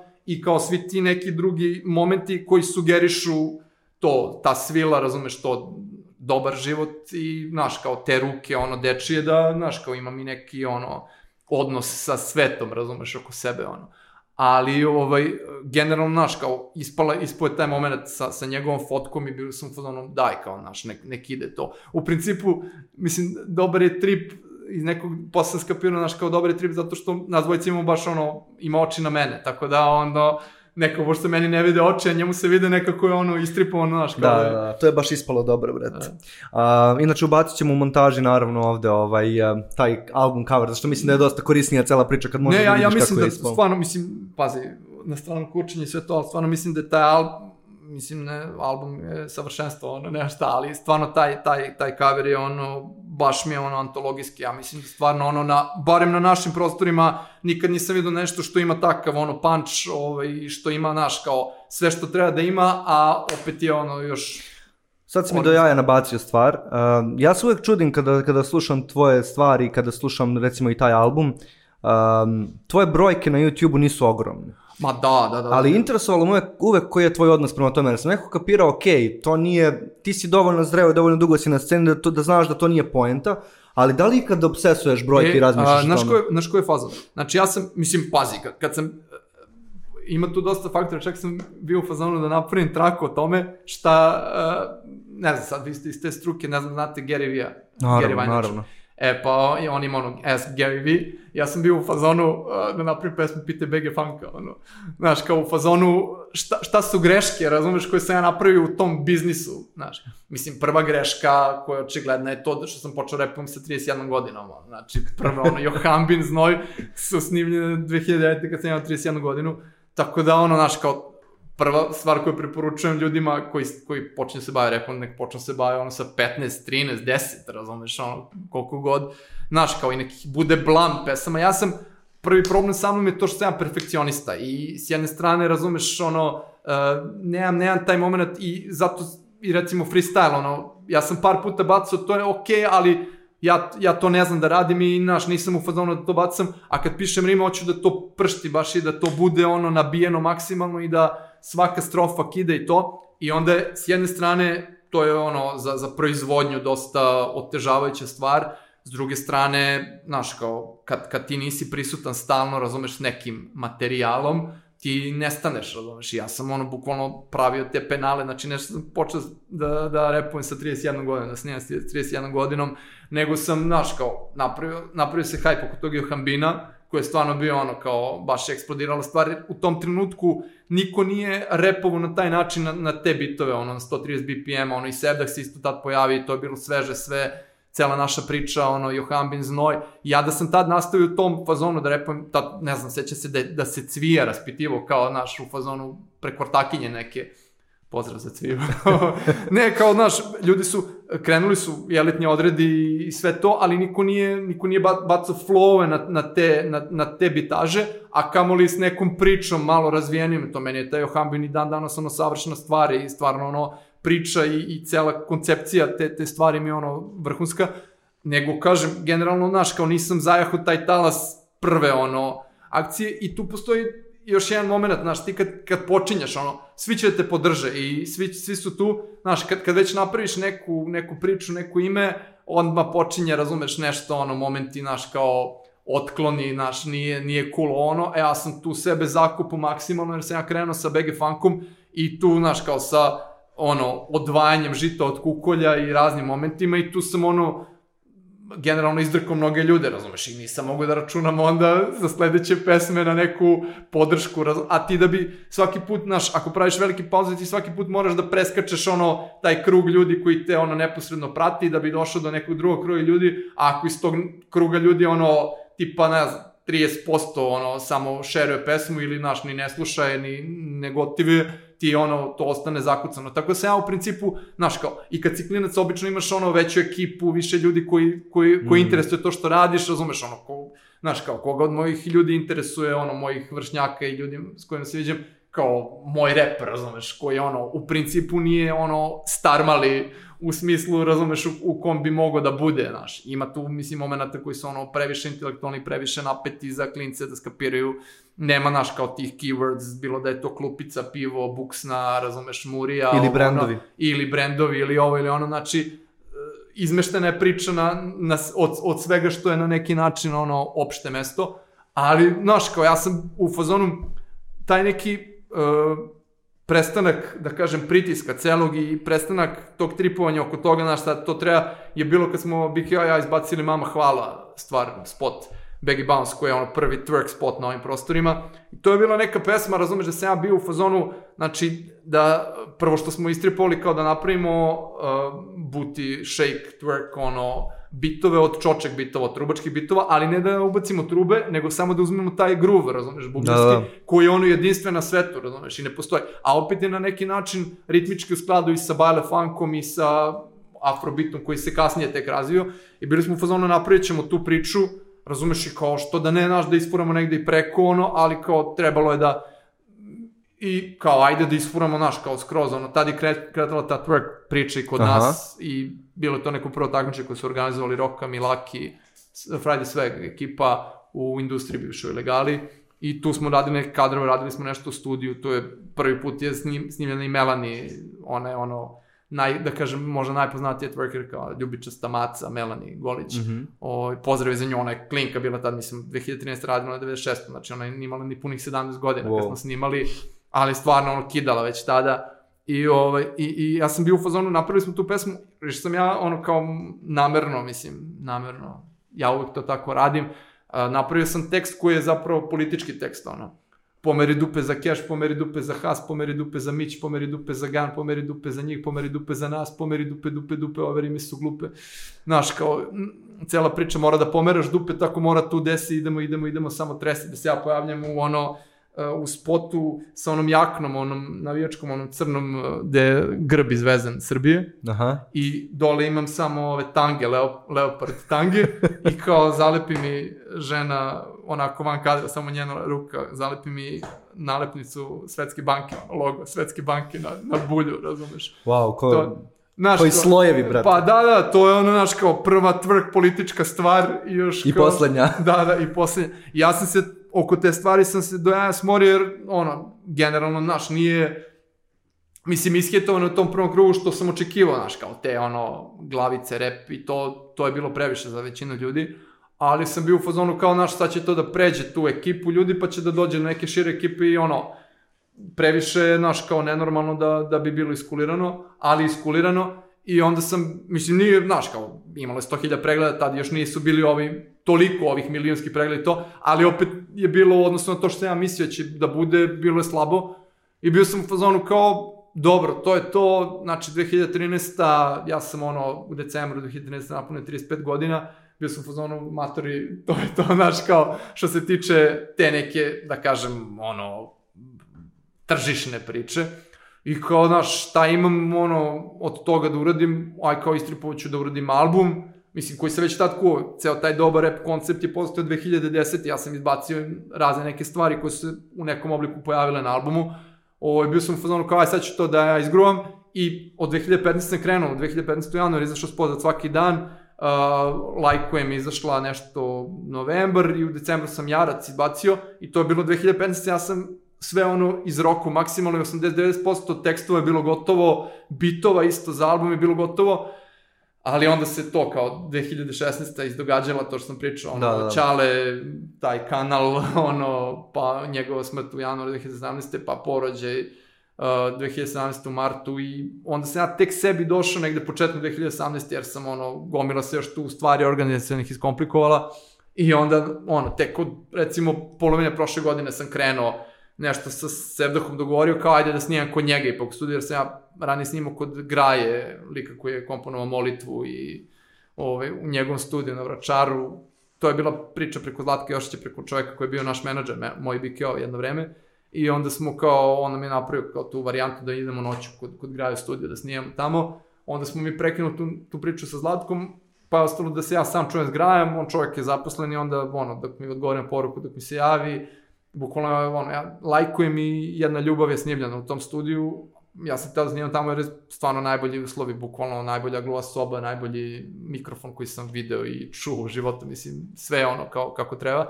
Ali kao bio sam fuzonu, aj ništa, ono, kod Sebdah isto to vrhunski, mislim, on će to da izvuče maksimalno, od početka bio dogovor sa njim da radi samo mix i mastering. I ovaj, onda smo usklađivali njegove moje obaveze i eto, kao tek smo letos završili celo snimanje, tu sam dovodio ljude koji svirali bas i ono, ljudi neki koji su pevali to, dok, dok smo sve to iskombinovali moje žurke uz njegove ono, akcije, razne mikseve za razne ljude i to. Tako se to završilo. Ja sam ono, kao ja, već tad u fazonu 2013. bio u tripu kao ja hoću da izbacim ono to, to što treba da izbacim, što mislim da treba, razumeš, da bude ono, da se pojavi u ovom svetu i, znaš, kao, uh, nemam, nemam neko opterećenje oko toga, generalno od mene taj, taj DJing, ono, od toga živim, razumeš, od toga zarađujem keš, a opet mi ono kao gotivna priča, ne moram ni tu nekih mnogo velikih kompromisa pravim, a kao kad već ne moram od ovoga da imam pare, onda ovde stvarno ne moram nikakve kompromise da pravim i napravit ću... Ja mislim da se to i čuje na albumu, čuje se da si baš ono bol u kurcu, Pa, iskreno. znaš, kao imam banku sperme i neke rime koje su ono obe stvari od po pet minuta, ono tipa treća, četvrta, peta stvar na albumu, kao to nikad u ludilu ne bih stavio da je album, naš, kao sa singlovima, gde su ono pesme do 3 minuta, 3, 3,5 minuta, maksi kao naš, ajde, ono samo da nafurava ljude. Baš sam bio u fazonu, znači svaka pesma ima svoje mesto na, na albumu, bukvalno, naš, kao ne, neću, neću da dozvolim da, mislim, koliko ja mogu da, da ne dozvolim, da se ono kao skipuje, da se šafluje, nego kao ide tim redom od, od jedna ljubav koja ne pripada albumu, koja je ono nulta pesma, Aha. Preko introa, ono, bogoslovije, do kraja, da sećam se svega i onda kao nema na čemu koja je prva bonus traka, opet prva bonus traka posle poslednje pesme, znači baš je ono kao sve, sve tu što treba da bude tu, tako da sam bio u fazonu, pravim album kao album, što je najsmešnije, ja sam u, na po boksu neke 2010. ja mislim 2009. pričao, e, pisao tekst neki koji je do duše bio naručen, ali ono, kao ja sam bio u fazonu, malo da iznaduvam te ono, likove koji su tamo to ono, bio najveći stetični muzički kritičar i to, gde sam pričao kao o tome kako je album kao format mrtav, ono, i, i mislim, nije to bila nova vest tada, nego sam ja sad tu kao, trebalo je tu napišem malo o celoj ono, istoriji albuma kao formata i kao kako je postao na neki način cenjen u muzičkoj industriji i kako je propao faktički, ono, početkom 2000-ih. I ja sam napisao taj tekst, naravno, bilo tu i hejtovi svega, nego nebitno, ovaj, bio sam znaš, kao, ja sam tu sadržao stav, ono, singlovi su to što jeste, mislim, to je što je, a opet sada, ono, kao, tipa, 10 godina kasnije radim album, ono. I stvarno sam u fazonu, skapirao sam da, da moj rap i, i ceo taj trip koji sam ja istripovao i koji je stvarno, ono, svetski svež i koji se pojavio, mislim, ne znam sad da li ste ispratili, ima ta knjiga, ovaj, lik Julius Bailey, ono, afroamerikanac, profesor koji je pisao, ono, koji je bacio moje rime u, u knjigu, ono, Hip Hop and Philosophy, uz Jay-Z-a i Rakima, ono, 2014. izašla knjiga, što je najlođa, ono, znači, pet godina pre albuma, ono, samo na osnovu tih nekih Ludilo. demo trake koje su bile, tu iz Zondo, evo, ove rime koje sam Aha. pomenuo iz dječaka, Ove, ali baš je taj, taj moj ono kao reprezent analizirao u smislu kao naš kao pojam boga u hip hopu i to kao kako sam ja on jedan od redkih repera koji to kapira na tom nivou čistog reprezenta i ne koristi to kao predstavljanje kao bog što rade, što su radili Rakim i Jay-Z, Lil B i ne znam, razni ljudi, oni ga koriste u battle momentu kao naš, predstavljaju se kao bog i pričaju o tome da su moćniji od drugih. Ja, ja ga koristim na tom nekom ono apsolutnom nivou u smislu da ne pričam ni o, o bilo kome drugome, znači nema nikakvih relacija, nego samo apsolutnost, razumeš? U smislu, znaš, pričam samo lepo o sebi, to je čist reprezent, nema battle priče, nema, znaš, kao, samo se kurčimo, ono, čisto kurčenje, razumeš? I Da, da, ja nisam ta- osvestio da je to, da je to point. Mislim, nisam shvatao da je to važno u- tvojim pesmama, ali sam nekako intuitivno osetio da je, da je taj vibe. Pa da, znaš, ko- To neko samopouzdanje. Pa da, ce- ceo trip, ceo trip je tu generalno, naš, kao, mislim, ima tu jedna, ono, savremeni filozof Peter Anger, koji se bavi epistemologijom, nije nešto sad ono kao filozof čije se citati izbacuju po, on se, ne znam sad da, da li je dalje to na, na prvoj godini filozofije na teoriji saznanja epistemologiji, jedan ono, sekundarna literatura, njegov tekst jedan, ali on je čovjek koji je ono kao uh, napravio razliku između pojmova, apsolutnih i relativnih pojmova, uh, što je onako jako bitno za te neke antiskeptičke argumente. U svakom slučaju, znaš, kao primer njegov je bio kao, mi ako kažemo da je e, ra, ravno je recimo ravno, pravo je apsolutan pojam. U kom smislu? Mi kad kažemo da je nešto najravnije, e, to ne znači da je ravnije od ravnog, nego da je najbliže apsolutno ravnom od svega ponuđenog. Znači, kao kad, kad, kad kažeš, razumeš, ono, e, mi nas zavede jezik i to kao ravno, ravnije, ta komparacija prideva u jeziku, ali ravno, kad kažeš to je apsolutno ravno, najravnije, najbliže apsolutno ravno, ono od čega, od čega nema ravnijeg. Ja sam bio u fazonu kao ceo rep je u tom tripu, znaš, kao imaš reprezent imaš taj battle moment gde, gde svi pričaju da su bolji od ovog drugog, Ja sam bio u fazonu kao, naš, kao, ali dobar je apsolutan pojam, razumeš, i ti, ono, ako si najbolji, još uvek nisi apsolutno dobar, znači, samo si najbliže apsolutno dobrom, i bio sam u fazonu kao, a ja ako hoću da se predstavljam tako da ne prozivam nikoga, to jest da, znaš, kao, nikoga ne, uh, ne, ne prozivam nikoga ne zato što sam ja kao neki slabić i to, nego zato što svaka prozivka je podrivanje mog, ono, mog reprezenta i mog kurčenja. I onda sam bio u fazonu kao, ako ja ću tako se predstavljam kao, znaš kao, ja ću se predstavljati kao apsolutno dobar, razumeš, i od, od toga nema ništa bolje, ali ne poredim se ja, to što, što kažem da sam apsolutno dobar, ne znači da sam ja bolji od, od ovih drugih, razumeš, ja sam samo u svojoj ligi, u svojoj priči i apsolutno dobar sam i kurčim si, samo pričam Da. lepo o sebi, razumeš. U svojoj igri koju si ti smislio, ti Pa si da. bog i jezi. Pa da, pa da, pa da, pa da. Znaš, i, on, i onda, znaš, kao, i onda se tu ispovezivalo no- normalno, razumeš, ono, imaš, mislim, Bog je apsolutno dobar, znači to je, to je taj, taj pride, taj atribut dobrog i apsolutno dobrog ide uz Boga, znaš, i to se sve to sklopilo, mislim, kroz vreme, znaš, i ti razni momenti, ja sam baš bio u fazonu, znaš, kao, to sve ide u Rime, i sve, ja se predstavljam tako, razumeš, i stvarno ono, mislim da, da je time, znaš, kao taj hardcore rap, to tvrdo jezgro repa razvijeno do maksimuma, to je da ne može dalje od toga i stvarno, zbog toga sam furao priču da je to poslednji rap album, poslednji svež rap album na svetu, znaš kao. Ja mislim da će biti i dalje ono gotivnih bitova, da će biti gotivnih prijava na nivou pojedinačnih prijava, ono, bilo da su kurčenje, bilo da su emo prijave, bilo da su ovakve, onakve, ali mislim da na nivou kurčenja samog toga što je definicija, što je ono suština rap priče, da ne može da bude sveži od toga što sam ja uradio. Iskreno baš nisam ovo očekivao. Stefane, možeš li ti da nam pomogneš kao jedan iskusan novinar da wrap upujemo ovu priču? Pazi, samo kratko da ti rezime na šta se desilo. Ti si u suštini odgovorio na sva pitanja. Ne pitanja s papira, na pitanja univerzuma. Bukvalno... Ću na hronologiju.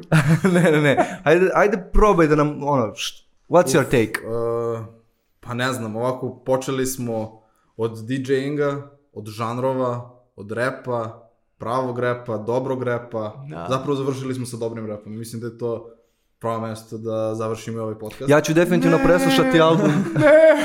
Pa, moramo privodimo kraju, iskreno. Da. Mislim da. se prazne sve baterije koje smo da. imali u, u svim kamerama. Ja, Damn. smo gomilu stvari pričali. Bukvalno nismo se dotakli baš, baš mnogo Ja stvari. mislim, a sad ali- bez zajebancije, mislim da bi ti trebalo da razmisliš o nekom formatu.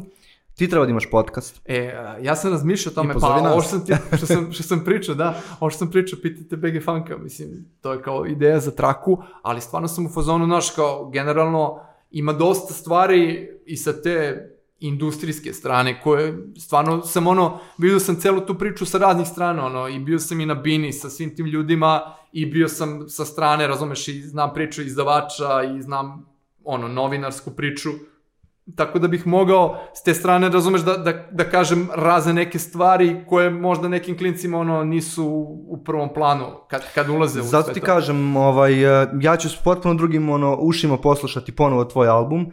Zato što sam ga onako naivno slušao, kao Da. ja gotivim tvoje pesme od ranije, ne, ne, ne. to sve pitko, znaš, ali sada mi je skroz ono, drugačiji experience. Ovaj, ali razmisli stvarno, ne bullshitujem, treba da razmisliš o nekom formatu, jer tipa, ja ću preslušati ovaj podcast ponovo od početka do kraja i popisati stvari koje si ti pomenuo, zato što ima tona svega. Mislim, ne znam kakav je tvoj utisak, ali kao, bukvalno mi se otvorilo. Da. Znaš, nisam to te prekidne, jer sam u fazonu, neka, idemo, freestyle, brate, ono do kraja. Da, ne, pazi, ima, mislim, uh, i sreće, a i nesreće, razumeš što sam ono gomilu tih stvari ispričao u gomili nekih intervjua, tekstova i u BG Fan grupi, ovamo i onamo, i onda, znaš, kao to nije, mislim, postoji sad neka ideja da si, da, da, istimali su mi ljudi da napišem neku BG Funk knjigu, mislim, sa ono likovima iz BG Funk tradicije, Aha. od toga se nismo ni dotakli. Da, uopšte, da, da, znaš, bukvalno kao- more stvari nismo da, pipnuli. Da, da. Ovaj, a ja sam opet s druge strane tripovo kao u nekom momentu napišem na engleskom ono knjigu o teoriji ono repa bukvalno znaš kao o tome kao šta šta je rep odakle je krenuo mislim ima tih knjiga ima tih ljudi koji su pisali ali mislim da je to i među afroamerikancima ono stvar samozavaravanja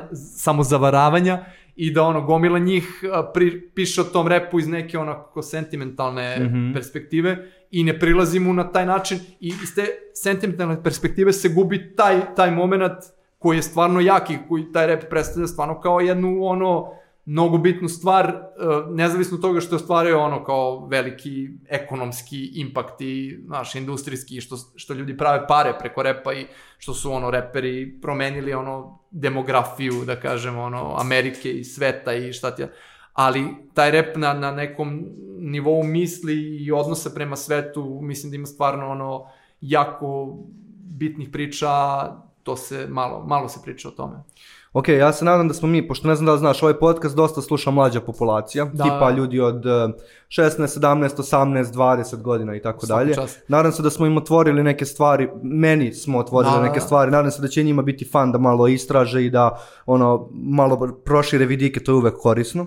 Ovaj, tebi hvala što si, ovo je bila mikroformat za tebe, Da, ali nema veze, da, hvala ti što si ja, nam ja dao bih možda stavio ovde part 1 na kraju ovog. Čak i da ne bude nikad part dvojke. Da, da, Ovo- e, To je baš u tradiciji ovo ovog razgovora, da. Onaj ovo je hollywoodski moment. da. kao part 1 i sad se svi lože kao... Da, part 1, ali možda nikad ne bude part 2, Da, da, da, da. ali ovo je samo deo priče. Cool, cool. Ok, ajde ovako, ako ovaj video pređe 1000 lajkova, snimamo part 2. To je ono kao youtuberski gas. Da, da. Ali nema veze, neka nas malo, možda se i mi ložimo, to je naš gold chains. Ovaj To, moment. to, to, to. Hvala ti puno još jednom, ja sam iskreno uživao u ovih sati i Takođe- 29 minuta. Hvala vama, ja sam iskreno živo što sam ovde u ekipi koja ono, koliko ja kapiram, a znam dosta ljudi iz agencije i to, stvarno ono, mislim da ste ono, jedno od ono, pored toga što ste od najmlađih agencija, kapiram da ste jedno od ono najluđih i najbržih, ono, tako da... Ja isto mislim da smo najluđi. Pa to, tako da mislim da je ono stvarno velika čast ovaj, Hvala biti, puno. biti ovde. Šta da kažem, hvala. To je to, momci, gotovo, dan. Da snimamo neki thumbnail. E, da, treba nam za thumbnail. Jel nam radi neka kamera? Ja ću samo da sedim kao retard. Nice. Vrh.